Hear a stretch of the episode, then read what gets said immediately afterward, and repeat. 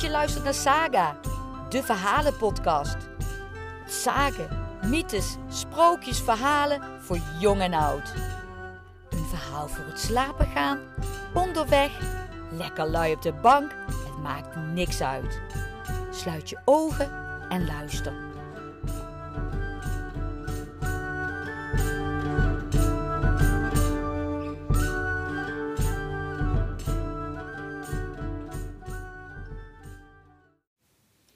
Twentse Huteklaas. Nou, voor dit verhaal moet je echt wel stalen zenuwen hebben. Want, ehm, nou, hoe men in 1775 iemand een bekentenis wilde laten afleggen, die zei nogal gruwelijk. Nu was Hute Klaas, ehm, zoals dat in de Twents misschien uitgesproken wordt, maar ik kom niet uit Twente, dus ik zeg Hute Klaas. Ook geen lievertje. Hij en zijn vrouw en zoon behoren in Twente tot de laatste criminelen die ter dood veroordeeld zijn, zo rond 1775. En om met name Hute Klaas tot een bekentenis te krijgen, werd hij 110 dagen op een dwangstoel vastgebonden. En die zitting is onder andere ook voorzien van spijkers en handen en voeten die werden met ijzeren boeien vastgebonden. En je kreeg ook nog een ijzeren buikriem. Ehm, in het historisch museum, het Paltenhuis in Oldenzaal, daar kun je nog een, uh, in haar collectie de dwangstoel van Hute Klaas bewonderen. Voor de rest waarschuw ik je, stalen zenuwen, voor de, het vervolg van het verhaal Twentse Hute Klaas.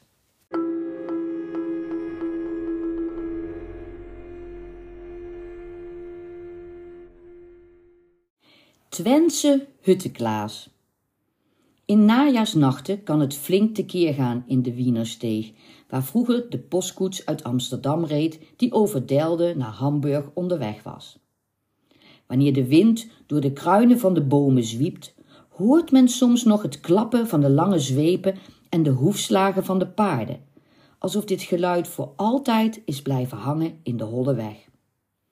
Wanneer de storm aanwakkert, klagen en zuchten de doden die hier vreed zijn afgemaakt en die geen rust kunnen vinden omdat ze zo onverwacht en onvoorbereid zijn gestorven. Dat zijn de slachtoffers van de rover Hutteklaas. Vanuit de hei achter de steeg klinken soms hun stemmen op, die tot driemaal toe in doodsangst en grote nood: O God, o God, o God! roepen dan is het ogenblik gekomen waarop de schim van Hutteklaas nadert. Met gebogen hoofd sleept hij zich langzaam voort door de steeg, want lopen kan hij niet meer sinds de Oldenzalers al zijn leden één voor één op het rad gebroken hebben. Als een vreeswekkende bedelaar die eist in plaats van te vragen, had Klaas Annink altijd gemakkelijk aan de kost kunnen komen. Maar toen hij ouder geworden zich als keuterboer ging vestigen, zat alles hem tegen. Alleen een geboren boer had het geduld om dit schrale heideland te ontginnen, en Klaas had daar helemaal geen tijd voor of zin in. Als het niet goed schiks gaat, dan maar kwaad schiks, dacht hij. En vanaf dat moment werd er niet meer gespit of geploegd op de huttenplaats, de vervallen boerderij aan de Wienersteeg. Klaas trok er weer als vernauwds op uit maar nu niet om te bedelen, maar om te stelen. Miste een boer een paar volle bijenkorven, dan kon hij er wel zeker van zijn dat een bakker uit Delde of Goor een paar dagen later honing gebruikte die hij van Hute Klaas had gekocht. En zoals het met de honing ging, zo ging het met alles wat Klaas maar gebruiken kon.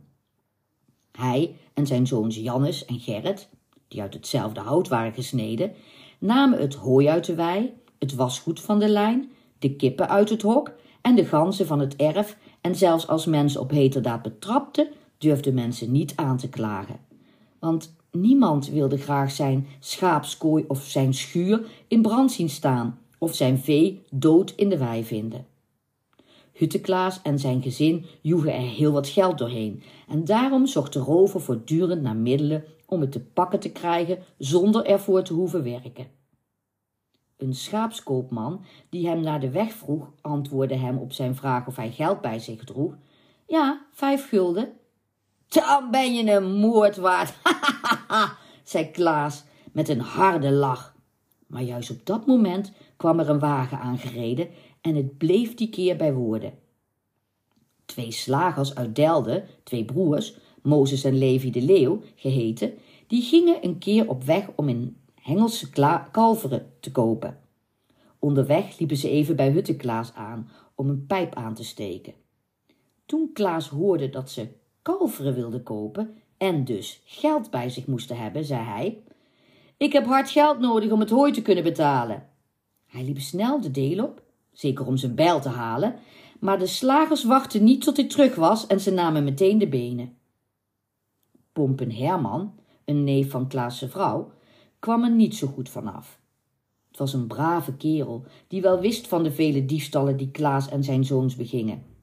Hij kwam dikwijls langs om een praatje te maken en om te proberen ze op het goede pad te brengen. Dat was natuurlijk vergeefse moeite. Op de duur ging Klaas in hem een gevaarlijke getuige zien, die uit de weg moest worden geruimd. En op een avond, toen hij rustig bij de haard zijn pijpje zat te roken, werd hij onverwachts door Klaas beetgepakt, stevig vastgehouden, waarna de oudste zoon Jannes hem met een bijl de hersens insloeg.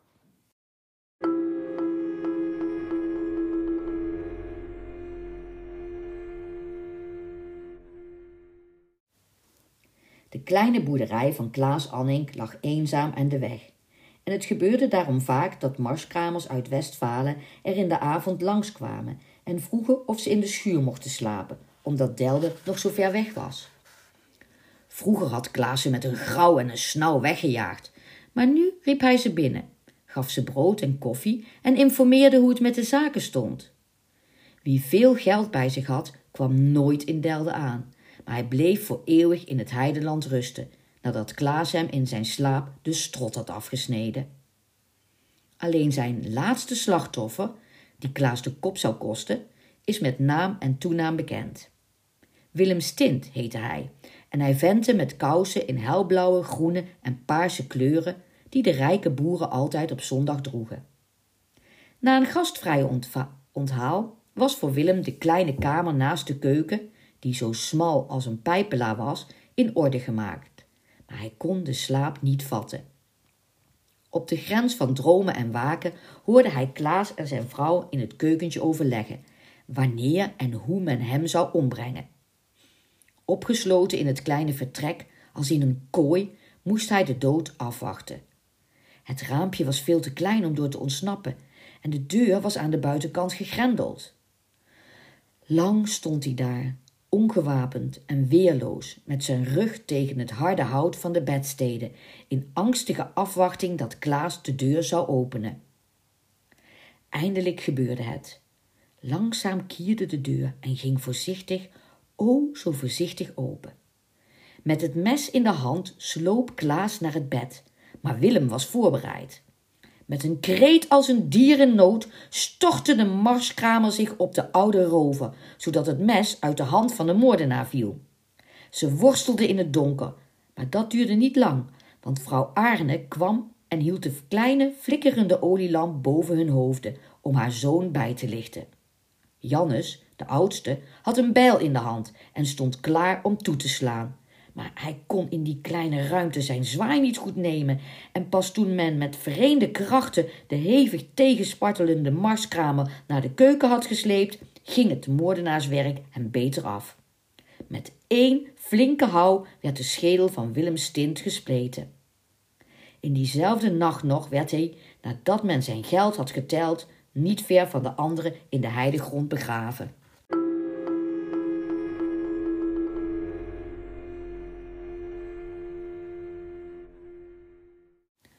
De oude stint was een koppige Westfaler. En toen zijn zoon op de dag voor kerstmis nog niet thuisgekomen was, begreep hij dat er wat gebeurd moest zijn. Hij nam een stok van de muur en ging op weg om zijn zoon te zoeken. Hij sprak de mensen aan die hij in de dorpen ontmoette en vroeg in de herbergen en aan de deuren van afgelegen boerderijen of men zijn zoon Willem soms ook had gezien, die elk jaar in deze streek zijn kousen kwam verkopen. Menigeen herinnerde zich dat hij Willem dat najaar nog had gezien. En zo liep de oude stint verder, in de voetsporen van zijn zoon, van dorp tot dorp, tot hij op de laatste weg kwam die zijn zoon was gegaan. Op een zondagmorgen kwam hij in Delde aan, toen de kerk juist uitging en hij zag de boeren in groepen over het plein naar de herbergen gaan. Juist stond hij op het punt om hen te volgen en zijn vragen te stellen, zag hij een grote, sterke kerel de kerkdeur uitkomen, die heel bijzondere kousen droeg. De oude heer herkende ze op het eerste gezicht, want het was zijn bloedeigen handwerk, de kousen waarvan hij er maar één paar had geweven, het paar dat zijn zoon elke zondag had gedragen. Ook herkende hij de typische broek van de kousenkoopman met gebreide zakken die onmiskenbaar van Willem was geweest. Wie is die man? Vroeg hij met bonzend hart aan een oude boer die op zijn stok geleund bij hem in de buurt stond. Dat is Huteklaas van de Wienersteeg. Diezelfde middag ging de oude stint naar het huis van de rechter. Ik wil een aanklacht indienen tegen Huteklaas, rechter, zei hij. De rechter aarzelde. Eén ehm, getuige is geen getuige, zei hij. Wanneer Huteklaas je heeft bedreigd en je geld afhandig heeft gemaakt, dan zullen zijn vrouw en zijn zoons zweren dat hij op dat uur op een heel andere plaats was en niemand zal naar voren komen om je te helpen. Huteklaas is de schrik van de buurt en men is banger voor hem en zijn zoons dan voor mij en mijn bosjagers. Huteklaas heeft mijn zoon gedood en hij draagt zijn kleren. Hij zal boeten. Mijn dode zoon zal mijn getuige zijn als ik de moordenaar aanklaag, zei de oude stint. Als je het zo ziet, dan zal ik hem zondag, als de kerk uitgaat, gevangen nemen, beloofde de rechter. En hij zette die dag vier sterke, met geweren gewapende bosjagers bij de kerkdeuren, die Huteklaas en zijn oudste zoons in de kladden grepen. Zij verzetten zich niet, want ze voelden zich zeker van hun zaak. Een paar uur later werden ook de vrouw en de jongste zoon, die thuis waren gebleven, in de kraag gevat. En de vier gevangenen werden allemaal apart opgesloten om ervoor te zorgen dat ze onderling geen afspraken zouden kunnen maken. Van bekenden was echter geen sprake. En pas toen mijn Gerrit, de jongste zoon, met de pijnbank in Oldenzaal had gedreigd, kwam het hoge woord eruit. Uh, Jannes heeft de kramer met de bijl doodgehouden. Want hij lag op, uh, op de vaar. En de moeder, die heeft de lamp en uh, heeft ook het geld dat de kramer in, uh, in zijn zak had, in de spinde gelegd. Daarna was het snel bekeken met Hute Klaas en de zijnen, want ze werden naar Oldenzaal gebracht, waar men Klaas met ijzeren banden vastklonk aan de leuningen en aan de poten van een houten stoel, die nog in de oudheidkamer te zien is. En na een kort rechtsgeding werd het vonnis over hem uitgesproken. Klaas en zijn zoon Jannes werden veroordeeld om levend te worden geradbraakt. Arne zou met een koord worden gewurgd. En Gerrit, de jongste, tegen wie men niets bewijzen kon, werd als scheepsjongen naar zee gestuurd. Een probaat middel om jonge mannen kwijt te raken van wie men niets goeds te verwachten had. Toen Huteklaas en zijn vrouw de gevangenis verlieten om op de markt in Oldenzaal te worden terechtgesteld, stond het er zwart van de mensen die zich dit schouwspel niet wilden laten ontgaan. Als ijdele vrouw schikte Arne bij het zien van deze menige haar halsdoek recht en ze zei tegen de man: Kijk eens, Klaas, wat een volk er op eh, de been is. Een uur later, toen de beul en zijn helper met ijzeren staven de ledematen van Klaas braken en hij het uitgilde van de pij, pijn, zei Arne met ijzige kalmte: Ach, onze Klaas, dat is altijd een weekserige geweest. Nog lange tijd heeft men hun lichamen vastgespijkerd op een rad en in ketenen geklonken voor het oog van iedereen laten hangen op de galgenbult, om andere rovers af te schrikken. Op het laatst heeft men ze onder de galg begraven. Het was in het jaar 1775 dat Hute Klaas en zijn vrouw en zoon waren terechtgesteld. En twintig jaar later werd de zware eikenhouten galg met alle andere toestellen die op de bult te vinden waren, omgehakt door de Franse soldaten en op het haardvuur van de boerderij, de Nieuwe Boer, in brand gestoken. Het vuur laaide fel op. Er was een andere tijd aangebroken.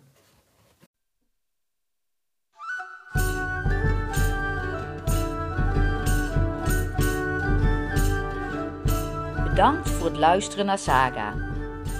Vind je deze podcast leuk? Volg ons dan door middel van het vinkje aan te klikken en je zo te abonneren. Tot snel!